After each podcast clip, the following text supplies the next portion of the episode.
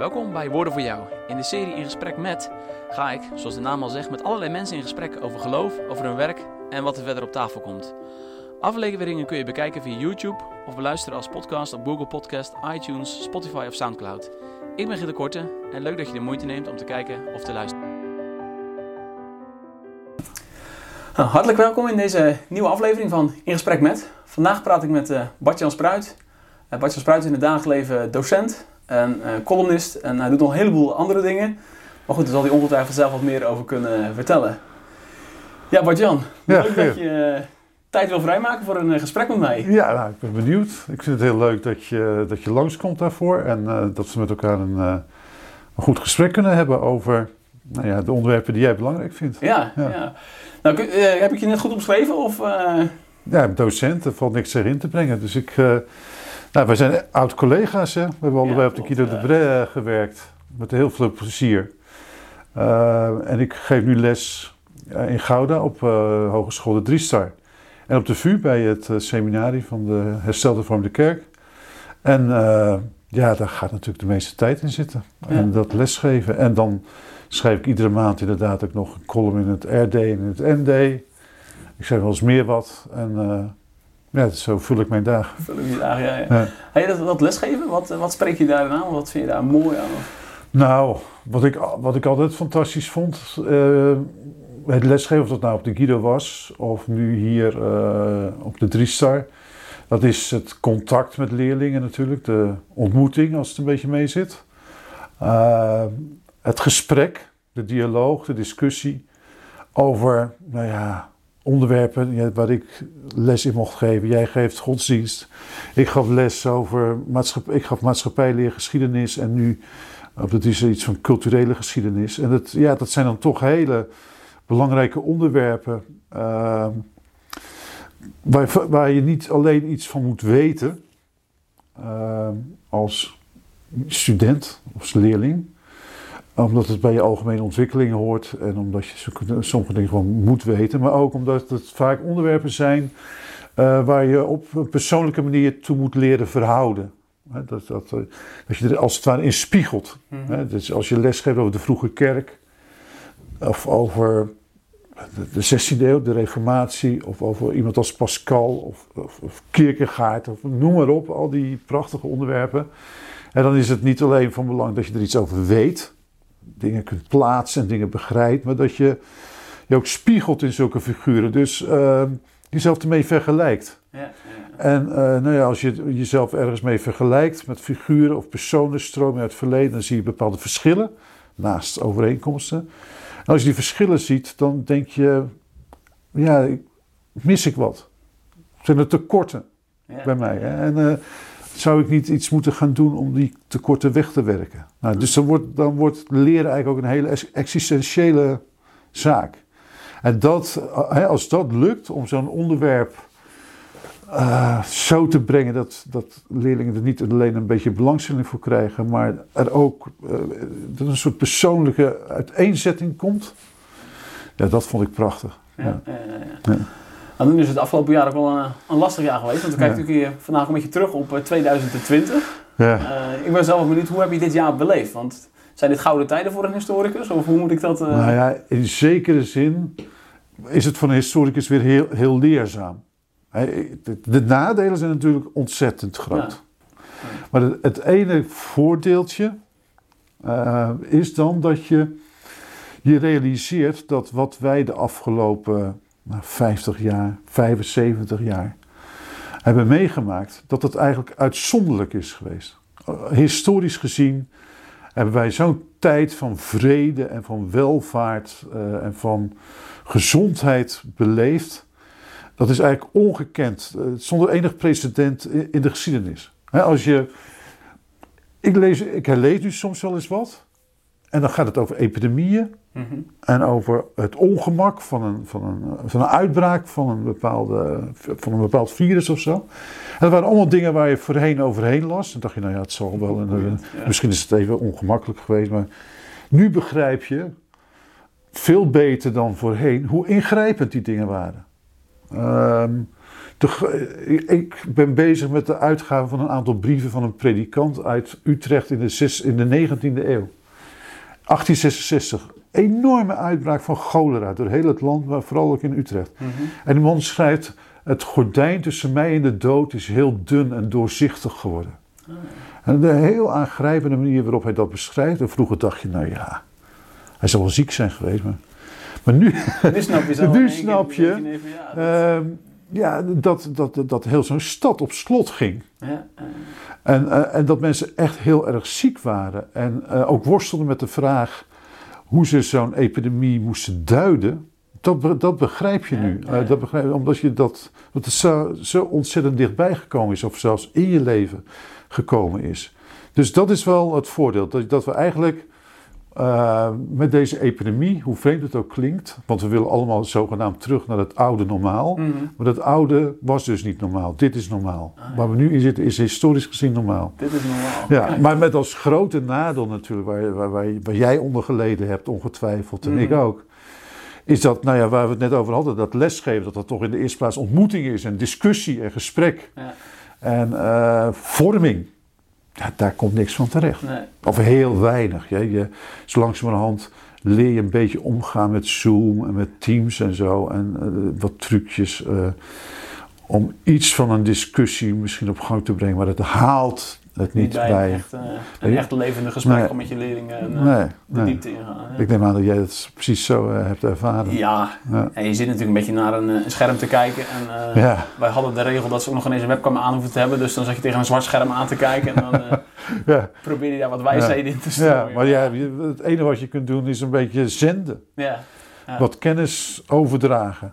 ja, en daar blijft het dan bij. Dus je bent- je bent ook snel klaar over het algemeen. Meestal heb je stof en dan denk je, nou, dit is eigenlijk een, eh, voor een half uur, maar met discussie en alles, dan Mm. eh, ben je wel een uur mee bezig. En nu eh, was je binnen 20 minuten klaar. Ja, klopt. Ja, alle Ja. filmpjes die ik opgenomen heb zijn van normaal iets waar ik 50 minuten mee bezig was. Dus je was, vertraag je nou. was ongeveer een kwartier was dat zeg maar en dan Ja. was het over. En Ja, dan, ja, ja, dus het is niet helemaal anders. Ik wil, je zei net van de geschiedenis, als ik les geschiedenis geef, dan is ook een soort van spiegel, zeg maar, van hoe verhoud ik me daartoe. Zijn er ook dingen die wij zeg maar, echt anders eh, doen ten opzichte van eerdere epidemieën? Ja, ik denk dat, ja, ik denk dat we in de eerste plaats dat we enorm door overvallen zijn.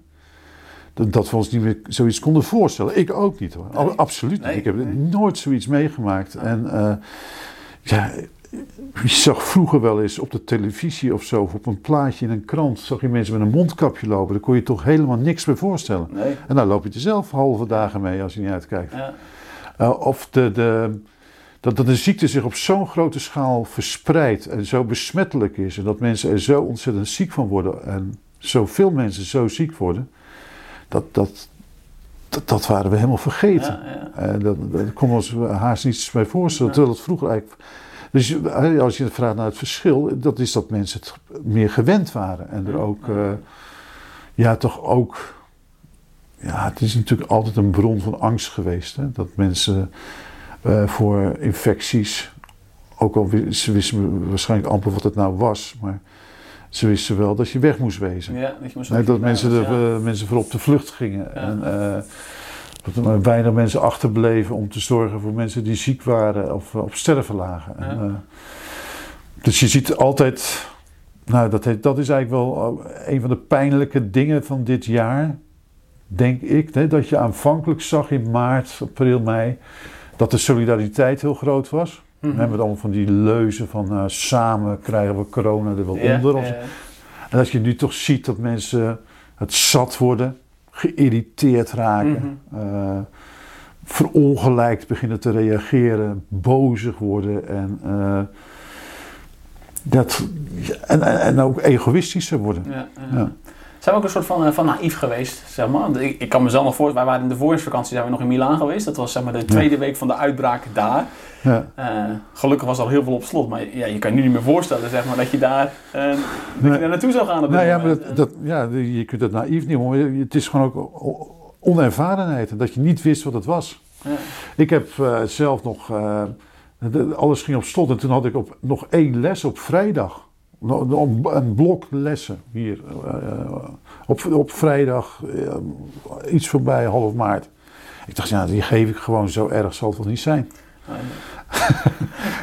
en dan denk je, oef, ja, maar niet... Uh, ja, ja dat, dat, is wel gelukkig goed gegaan. Want dus, ik ben toen niet ziek geworden en uh, niemand van die groep. Maar dat is natuurlijk eigenlijk, eigenlijk een beetje dom. Ja, ja, ja. en toch lijkt het ook wel een soort van grappig. Want je doet net inderdaad die mondkapjes waar wij nu mee rondlopen. Ik weet zelf dat wij toen inderdaad in Milaan rondliepen inderdaad. En dat wij... Uh, een meneer zijn mondkapje weg zagen trekken en vervolgens een sigaret op zagen steken. En dat je denkt van oké, het is ook wel een soort van schijnveiligheid. Ja. Je dan, uh... ja, dat, dat, dat is natuurlijk ook hè, misschien een tweede ding dat we. Uh, dat, dit, dat dit een heel nieuw virus was en dat, dat we geen idee hadden wat we eigenlijk moesten doen. Nee. Dus we hebben acht maanden te horen gekregen dat zo'n mondkapje niet helpt. En uh, na negen maanden kreeg je een boete als je hem niet droeg. Weet je wel? Ja, dus ja. is, er enorm veel onzekerheid. En uh, wat Mark Rutte noemde van uh, 50% van de kennis moet je wel 100% beslissingen nemen. Ja, dat maakte dit jaar natuurlijk ook zo spannend. Ja, En hoe zie jij daar de rol van de, de overheid in? In deze crisis, zeg maar? Hebben die het goede gedaan? Zeg van, nou, dit... Ja, ik ben wel mild, moet ik zeggen. Kijk, je kunt natuurlijk wel wild om je heen gaan slaan en zeggen van de, de rol van de overheid is veel te groot geworden en uh, ons zijn allerlei vrijheden ontnomen en zo. Maar ja, je moet daar, ik, ik vind persoonlijk uh, dat je daar toch ook een beetje nuchter in moet blijven. Mm. Er, is, er breekt een epidemie uit. Ja. Dan kun je niet zeggen, jongens, kijk maar wat je doet. Nee, hè? Want, nee. want je besmet elkaar. En, en je, hebt, je weet niks. Dus je hebt een RIVM nodig en je hebt uh, epidemiologen nodig en artsen die, de, die, die wel zo langzamerhand uitvinden wat, wat er nu aan de hand is. En die de overheid advies geven. En die overheid doet dat naar beste weten, volgens mij. Zo, Ja. zo ben ik ook weer niet dat ik denk eh, dat, dat, dat ze dit aangrijpen om lekker die vrijheden van die burgers eh, in te Flink perken. Hè? perken en ze- Daar geloof ik te niks van. En, ehm, dus ik ben wel he- heel welwillend in mijn beoordeling. En ik geloof wel dat ze echt een stinkende best hebben gedaan. Ja. En dat wij eh, misschien nog beter hadden moeten luisteren. En eh, dat zij gewoon naar het beste weten. Eh, de adviezen en de maatregelen hebben genomen die ze op dat moment dachten te moeten nemen. Ja. Ik, ik, ik- en ik ben ook verder geen gekke dingen tegengekomen dat ik dacht van, eh, Wat een rare nou dat doe ik even lekker niet. Nee. Ja, ja. En was dat, eh, want dat, weet ik niet, was dat vroeger ook zo dat de overheid zeg maar, die rol vervulde in een Ja, epidemie? ja, Ah, gelijk. Ja, ja. En wat organiseerden ze dan? Want dan hadden ze geen RIVM. Maar... Nou ja, ik heb dan een beetje. Ik heb een heel boek zitten lezen over de cholera in Utrecht in 1866. En natuurlijk over de zwarte pest. En, eh, en dat mensen niet weten waar het vandaan komt. Dus eh, altijd op zoek gaan naar de, naar de oorzaken. En die worden of religieus geduid. Of, nou, die worden eigenlijk altijd religieus geduid. Hè?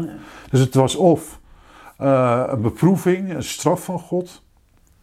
En nu is het zeg maar onze eh, straf voor het feit dat wij eh, wilde dieren eten. En, eh, en zo- geglobaliseerd zijn dat we met die vliegtuigen van China naar Noord-Italië vliegen. En van Noord-Italië zijn er weer leraren die daar volstrekt onverantwoord toch weer daar vandaan terugvliegen naar Eindhoven en zo. En daar Ja. moeten we ons ook zwaar voor schamen, Ja. zeggen ze dan. Ja, ja. Dat er altijd vraag komt van ja, wat zijn de maatregelen die we moeten nemen? En er is altijd dan eh, toch wel een sterke rol voor de overheid om eh, maatregelen af te kondigen, quarantaines eh, te organiseren en, en dat soort maatregelen meer. Ja, Ja.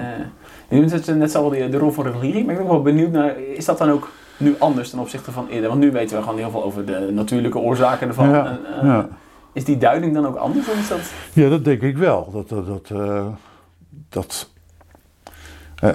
ik geef ook middeleeuwse geschiedenis en eh, nou, dan, dan kijk je ook eens een keer extra naar, die, naar de pest, hè, de Zwarte Dood, eh, die in de 14e, 15e eeuw ja, huishield op een schaal die natuurlijk ongekend is. ja, hè, dat dat, is van een kwart van de wereldbevolking. Ja, ja. Van de, ja, bijvoorbeeld? een derde van Europa eh, Ah, overleed eraan, geloof ik.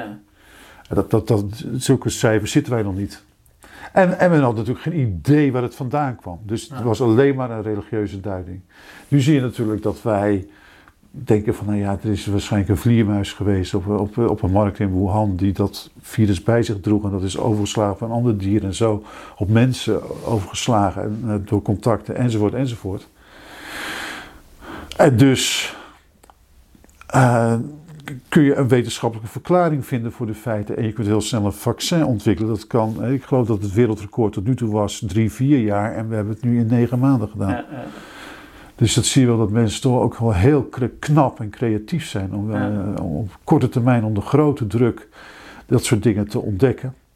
Maar dat laat wat mij betreft onverlet. Hè, ook, ook, al is er een wetenschappelijke, er is ook een wetenschappelijke verklaring voor onweer. Maar in de psalmen staat toch ook iets wat daarboven uitgaat, dat dat toch ook de stem van God is. Zo is er ook een wetenschappelijke verklaring voor deze epidemie. Uh, maar je kunt je ook afvragen wat, wat, wat, dit in religieuze zin ons te zeggen heeft. Ja. En, nou, om te beginnen natuurlijk al dit, denk ik, dat wij tot nu toe, de afgelopen 50, 75 jaar natuurlijk, hebben gedacht dat we alles onder controle hadden. Ja. En dat alles maakbaar was. Vrede, welvaart, er was geen hongersnood, steeds meer ziektes werden bedwongen. En dus de grote vijanden van de mensheid hè, vanaf het begin, dus uh, honger, ziekte en de dood, ja, die, die kregen we dus nog steeds meer onder controle. En dan ineens blijkt dat dat, dat, dat, dat, dat toch niet zo is. dat we veel kwetsbaarder eh, zijn en veel breekbaarder zijn dan we gedacht hebben. Dus dat is een belangrijke les, denk ik. En dat, ja, uh, dat het toch bijbels is om, uh, om te begrijpen en te erkennen dat ja, de dingen die ons overkomen in dit leven, dat het toch ook altijd te maken heeft met ons gedrag en met onze zonde. En dat het mhm. toch ook een roepstem van God is op plaats van, uh, nou ja, ware leven, lieve loven, dat is niet hier. Ja, dat, dat, ik vind het wel, ik moet je eerlijk zeggen dat ik het uh, moeilijk vind. Uh, dus in die zin dat ik dit graag wil uitspreken, dat ik dat ook echt mhm. geloof. Maar ik kan, dat het me nou echt zo heel erg van binnen raakt. Misschien ben ik dan ook te seculier geworden. Hè? Dat ik, ja, ja. Uh, maar ik vind wel dat ik over deze dingen moet nadenken. Dat, dat doe ik ook. Maar ik had eigenlijk wel wat meer boetvaardigheid bij mezelf uh, willen nou, zijn. Ja, natuurlijk in het begin ook mensen die zeiden van ja, dat merk ik bij mezelf, dat je heel erg soort van heel snel in actie wil komen, zeg maar. Dus je gaat heel snel uh, dingen organiseren. Je gaat uh, filmpjes maken voor dagopening voor leerlingen, zodat dat geregeld is. Je gaat je lessen opnemen, je gaat dit doen, je gaat dat doen. Uh, in plaats van... Ik, ik had er veel moeilijker mee. Oh, ja. Dus ik hoor nu aan jou dat jij, je bent natuurlijk veel jonger dan ik, of iets jonger dan ik. En, dat je dat gelijk als een enorme uitdaging zag en dat je ja. gelijk aan de slag ging. Ik had, ik had er moeite mee om die overgang te maken. Oh, ja. Daar heb ik zeg maar wel twee, drie weken over gedaan. Uh, bij ons, toen, het, toen die epidemie uitbrak, dat was ma half maart, hè? Dat ja, was, zeg maar, 11 maart mij. Ja, de, ja en, en uh, dat was net zo'n beetje aan het einde van een lesperiode. En ik had nog één, twee weken les in een bepaalde blok van uh, colleges. Ik dacht, nou, dat doe ik even lekker schriftelijk afhandelen. Eventjes, even kijken wat er nu gaat gebeuren. Het was, toen een paar weken later het volgende blok begon, was ik mentaal zover ah, dat ik ook uh, hier, hier thuis achter een laptop ging zitten om les te geven. Dat heb ik niet gelijk gekund. Ah, nee. Dat heb ik, te, eh, daar heb ik wel uh, een dag of tien, veertien over gedaan. Ja. Nou, dat duurde me ook wel eventjes een soort van, maar dit was wel Gelukkig zo... hebben we dan nog Geert de Korte ziet dat wel gelijk allemaal.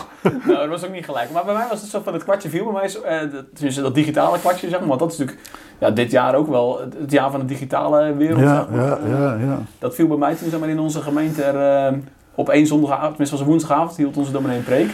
En dat toen 11.000 mensen of 11.000 kijkers waren. En toen had ik zoiets van, wow, dit zijn gewoon de tijden van Spurgeon. Dat gewoon 11.000 mensen, nou reken even twee eh, kijkers per, ja. per klik. Dan, dan zit je gewoon met 22.000 mensen naar een preek te luisteren. Ja. Uh, maar het gaat, het gaat meestal wel ten koste van andere. Nou, dat was toen, ik, ik denk dat dat ook de nieuwigheid was of zo. Ja, van dat mensen inderdaad echt zeiden van, nou oké, dit is gewoon nieuw en interessant. En, uh, maar ja, dat, dat, dat, daar hebben we het nog niet over gehad. Maar daar, daar ben ik ook heel benieuwd naar. Wat het effect is van deze epidemie op de kerk. Ja. ja. De gevolgen voor het kerk zijn. Uh, kijk, ik, we zitten nu in december als we nu dit gesprek met elkaar hebben. Dus dat is negen maanden Mhm. Ik ben in die negen maanden twee keer in mijn eigen gemeente geweest. Oh, ja. En uh, die hebben zich keurig netjes aan de regels gehouden, hè? Dus, uh, of niet, of, of maximaal 30. Dus ik denk dat er ongeveer 650. Dus als je een keer, voordat je eens een keer aan de beurt bent, En dus ik was in de buurt bij een begrafenis van een goede, eh, een oude man, een goede bekende van ons. En eh, een doordeweekse bijbellezing. Ah, ja. En zondags ben ik sinds maar... Oh, sinds maart niet meer... Misschien heeft het ook wel een keer aan mezelf gelegen dat ik, eh, dat, eh, dat ik niet kon. eh, Ja. Maar eh, het is dus heel erg lang geleden. En ik Ja. vind ook dat, eh, dat, dat dat met elkaar luisteren, zondags achter een laptop, dat, dat haalt het echt niet bij een echte kerkdienst. Nee, het is prachtig dat het er is misschien. Ja. Moet blij zijn dat, dat, dat dat er nog is, dat je nog iets, hè, dat, dat je nog iets van binding blijft voelen en dat er iets van continuïteit is. Maar nee, ik ben bang dat het eh, toch wel ontwrichtend Ja. zal uitwerken. Ja, misschien ben ik daar ook weer te snel begonnen met organiseren. Wij zijn maar in de zaal van de kerk hebben wij nog met een groepje mensen, eh, tot inderdaad de lockdown hebben wij bij elkaar, eh, Ja, bij elkaar gekomen. Dus ja, ja. ja. Maar er zijn natuurlijk wel mogelijkheden, alleen je moet echt wel een soort van creatief zijn ook als kerk. En dat, eh, ja. dat heeft me in die zin ook wel weer een soort van verbaasd. Dat je ziet dat ze ook wel weer eh, snel beslissingen konden nemen op bepaalde Ja, ja. punten. ja. Waar soms inderdaad jaren over gediscussieerd was of dat we online diensten uit gingen zijn. Nou ja, Ja, Dat dat, was- was binnen een paar weken was, dat, was, was- iedereen om eigenlijk. Ja. Dus, eh, dus dat is ook wel weer heel snel. Maar ja, hoe ga je daarmee verder? Hoe ga, en hoe ga je verder met het inzet van digitale middelen in het onderwijs en, en ook in het kerkzijn? ja. Ja, Ja, dat dat is eigenlijk alweer het voordeel. Je had natuurlijk van die mensen die dachten dat het digitale de toekomst zou zijn. Nou, die zijn gelukkig, ja. dat is ook gelukkig gelogen gestraft. Ja. Eh, Die, die, die wilde eh, vernieuwers, die, die zitten gelu- gelukkig nu in een hoekje zich te schamen. Want Ja. die zijn er wel achter gekomen dat, dat geen enkele digitale les een echte les kan vervangen. Nee. Je kunt je wel voorstellen dat in bepaalde situaties, voor bepaalde vergaderingen of zo, kan ik me inmiddels wel voorstellen dat je dat af en toe eens digitaal doet. ja, klopt. Ja. Eh, maar lessen of, of kerkdiensten eh, met digitale middelen, eh, denk, en dat, denk je dat dat precies hetzelfde is, of dat je, daarmee, dat, je dat kunt vervangen, dat, dat is. Nee. Nee, ik denk in die zin dat niet als, als vervanging, zeg maar, maar wel gewoon als alternatief als het ander niet gaat. Ik denk Ja. dat wel mensen die bijvoorbeeld eh, ziek zijn of schippers bijvoorbeeld, ja, eh, dat die bijvoorbeeld daar wel gebruik van kunnen. En dat dat wel een soort van blijvertje gaat, eh, Ja. gaat worden. Dus het, de, de, de, infrastructuur is, die staat nu wel. Ja, En de- Ja. die kun je misschien in, meer, in wat meer situaties activeren dan voorheen. ja. Maar nooit ter vervanging van. Nee, nee, nee, want dat merk ik zelf wel. Je mist wel een soort van het echte contact met mensen, even een gezellige babbel eromheen. Ja, eh, ja, ja. Dat soort, eh, dat soort dingen, ja. ja. Ja, maar ook al- al- als je naar een preek luistert, vind ik het toch anders of je nou in, daar aanwezig bent. Of dat je er thuis naar luistert. Of heb je dat helemaal niet? Ja, eh, jawel. Maar het komt misschien ook omdat mijn kinderen wat minder stil zitten dan als, dan als, als ze thuis zitten. Ja, ja, ja. Nee, hoor, ze zijn zeer schattig als ze thuis zijn. Maar je merkt wel dat het, het is anders. Ze zijn zelf minder geconcentreerd, ze horen minder dingen. En, Ja. eh, Maar zelf? Ik heb het zelf ook. ja, maar ik, ik kan er heel moeilijk de vinger op leggen Ja. eh, wat, waar dat nou precies in zit. Nee. Ja. eh, want die hoort dezelfde boodschap, maar het is misschien dan toch... Wat wij natuurlijk in de protestantse kring dus nooit heel erg mee bezig zijn met ruimtelijkheid of zo. Je, even, je zondert je echt op een bepaald moment af, je gaat ergens naartoe. Ik heb ook het idee dat het een soort van mindset is. Zeg maar, waar je- laat ik zo zeggen, ik zet tegenwoordig wat op zondag. eh, ik zet niet om de twee voor drie pas de, de, de dienst aan, maar ik eh, al wat even wat muziek van tevoren. Ja, en ja, dat je, nou ja, even wat zingt met elkaar bijvoorbeeld, dat je een soort van erop voorbereidt. Ja, een gebouw, een ruimte, een liturgie en ontmoeting, dat is blijkbaar toch heel belangrijk als, Ja. als soort voorbereiding op, Ja, dat denk ik wel. op sfeer waarin eh, Ja. die ontmoeting plaatsvindt. Ja. Je bereidt je zo'n soort van voor, ook nou, mentaal, fysiek. En, eh, ja, dat heb je natuurlijk thuis veel minder. Ja. inderdaad om twee voor tien in dienst staan, zit ben je nog op tijd. Ja. Eh, maar ja, goed, dan zit nog wel helemaal... eh, ja, dan heb je net je ontbijtbordjes in de vaatwasser gezet. En dan, Ja. eh, Maar je zit niet in je pak achter de... Nee. nee. nee. nee. Maar dat is natuurlijk wel een soort van... Ja, aan de andere kant denk ik van... De, ja, er zijn natuurlijk heel veel christenen wereldwijd die niet anders doen. Die zitten alleen maar thuis. Die hebben geen eens mogelijkheid om bij elkaar te komen. En in de manier waarop wij dat, Ja. dat kunnen. Ja. Dus dat vind ik nog een soort van... eh, Ja, nou, er valt nog een boel te leren. ja, ja, ja, dat, dat is één ding wat, eh, wat zeker is inderdaad. Ja. Ik ben ook benieuwd als je eh, kijkt naar het, het volgende jaar. Wat zijn de dingen waar je zegt van... eh, dat, daar, eh, Poeh, ja, ik hoop natuurlijk dat. Ja. Dat, dat we zo snel mogelijk weer gewoon elkaar kunnen gaan ontmoeten. En eh, wat ik ook ontzettend mis, dat zijn gewoon die avondjes. mhm. Een boekpresentatie of, een, of muziek, een concert of eh, een debatavond. Al een beetje, het was een beetje de jus van het leven. Nou ja, kerkdiensten. maar vooral ook gewoon het, het- de wereld van de school. Ja. Eh, met elkaar in een gebouw zijn, eh, lesgeven, om elkaar ontmoeten, discussiëren en, en, een, en een weg met elkaar gaan. En je ziet nu toch vaak leerlingen zie je één of twee keer in een, eh, ja, voor een semester of een bepaalde Ja, periode. Dus die persoonlijke band wordt ook steeds minder als je niet uitkijkt. Dus ik hoop, dit, ik hoop heel erg dat daar een, een einde aan komt. En ik hoop, ja, wa- wat je ziet in de, samen, in de samenleving, eh, over het algemeen, is dat mensen eigenlijk alleen maar bezig zijn van hoe komen we weer terug eh, Mhm. zoals het was voor 11 maart Ja, 2020. Dus dat we er niet veel van gaan leren. Ja. Eh, dat we niet eh soberig worden of, eh, of eh, de- het gemeenschappelijke meer gaan waarderen en zo. De, eh, en, en iets voorzichtiger gaan worden met de manier waarop we met de aarde omgaan. Ik denk niet dat we op dat punt erg veel eh, gaan leren. Nou, je ziet nu al de reisorganisaties zijn nu al een soort van het voorbereiden Ja, de periode en na. Want ja, dan is het vaccin er en dan kunnen we Inhalen. ja, inhalen inderdaad Ja. vooral. En, Dus dat hoop ik. En ik hoop, ja, waar, waar ik vooral, dat mijn grootste zorg is, mijn grootste hoop is, is eigenlijk dat, dat, dat, het, dat, dat het niet de, de, de, de ontwrichtende en verwoestende, seculariserende effecten zal hebben op het kerkelijk leven. Ja, ja, Dat mensen toch gewoon weer eh, zich herpakken, gewoon weer zondags op tijd de bed uitkomen, zich netjes aankleden en naar de kerk gaan. ja, naar, te luisteren. Ja. Te vieren. Ja, nou ja, dat is, we, misschien eh, kunnen we ook dit, dat, dat God heeft dat toch zo gewild. Dat we in een ruimte samenkomen, dat hij daar tot ons wil spreken en eh, ons hart wil aanraken en ons eh, eh, wil laten zien eh, wie hij is. En ons ook een nieuw leven wil geven, eh, met berouw over onze zonde en geloof in Christus. En de, de kracht van een nieuw godzalig leven. Dat het, dat het in zo'n entourage, in een bepaalde ruimte, een bepaalde tijdstip gebeurt eh, door de prediking van het woord, de levende verkondiging van het Mhm. woord. Ja, dat, dat, leren we, dat, dat, dat zouden we ook weer eens wat beter kunnen leren inzien als gevolg van eh, wat we het afgelopen jaar hebben Ja, meegemaakt. eh, Ja. Dus eigenlijk zeg je twee dingen. Ontmoeting met mensen. Ja. ehm, maar bovenal is ook de ontmoeting met de levende God. Ja, precies, ja. Ik denk toch dat, dat, eh, dat het niet voor niks is dat, dat, dat de Heere God dat zo heeft gewild en verordineerd. Dat we in een ruimte, in een gebouw bij elkaar zouden komen. Ja. En dat daar zijn woord wordt verkondigd. En dat, eh, dat het toch meer betekenis heeft. We, we hebben het altijd zo vanzelfsprekend gevonden. En, en, en, en, en sleets. Hè? Maar dat we dat toch opnieuw gaan doordenken. En dat we iets meer gevoel krijgen voor liturgie en voor ruimtelijkheid. En voor lichamelijkheid. En voor ontmoeting. En voor eh, het luisteren, het zien, het horen. Dat, we- dat je niet alleen eh, gelooft met je oren. Nee, je kunt bij wijze van spreken je laptop dichtklappen. Dat maakt niet uit. Maar dat, je- dat, dat je met, met, eh, met alles wat in je is erop betrokken bent. Ja, ja. Ja.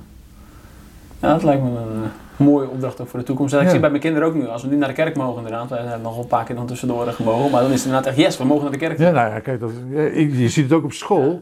Dat kinderen, leerlingen, studenten ontzettend blij zijn als ze eindelijk weer eens een keer echt les krijgen. Ja. Nou, dat hadden ze zich een jaar geleden niet kunnen voorstellen. Van yes, Yes, hebben hebt les. Nee, nee, nee. Dus dat is veel mooi dat we de dingen die we altijd zo vanzelfsprekend hebben gevonden, dat we die, die extra echt weer gaan waarderen. Het, zoals het ook hoort, want eh, ze verdienen eh, die waardering natuurlijk. Ja. Mooi. Nou, lijkt me een mooie eh, afsluiting. ja jij ook eh, veel succes daarbij. Ja, dankjewel. Dankjewel. En bedankt voor je komst en eh, dit gesprek. bedankt.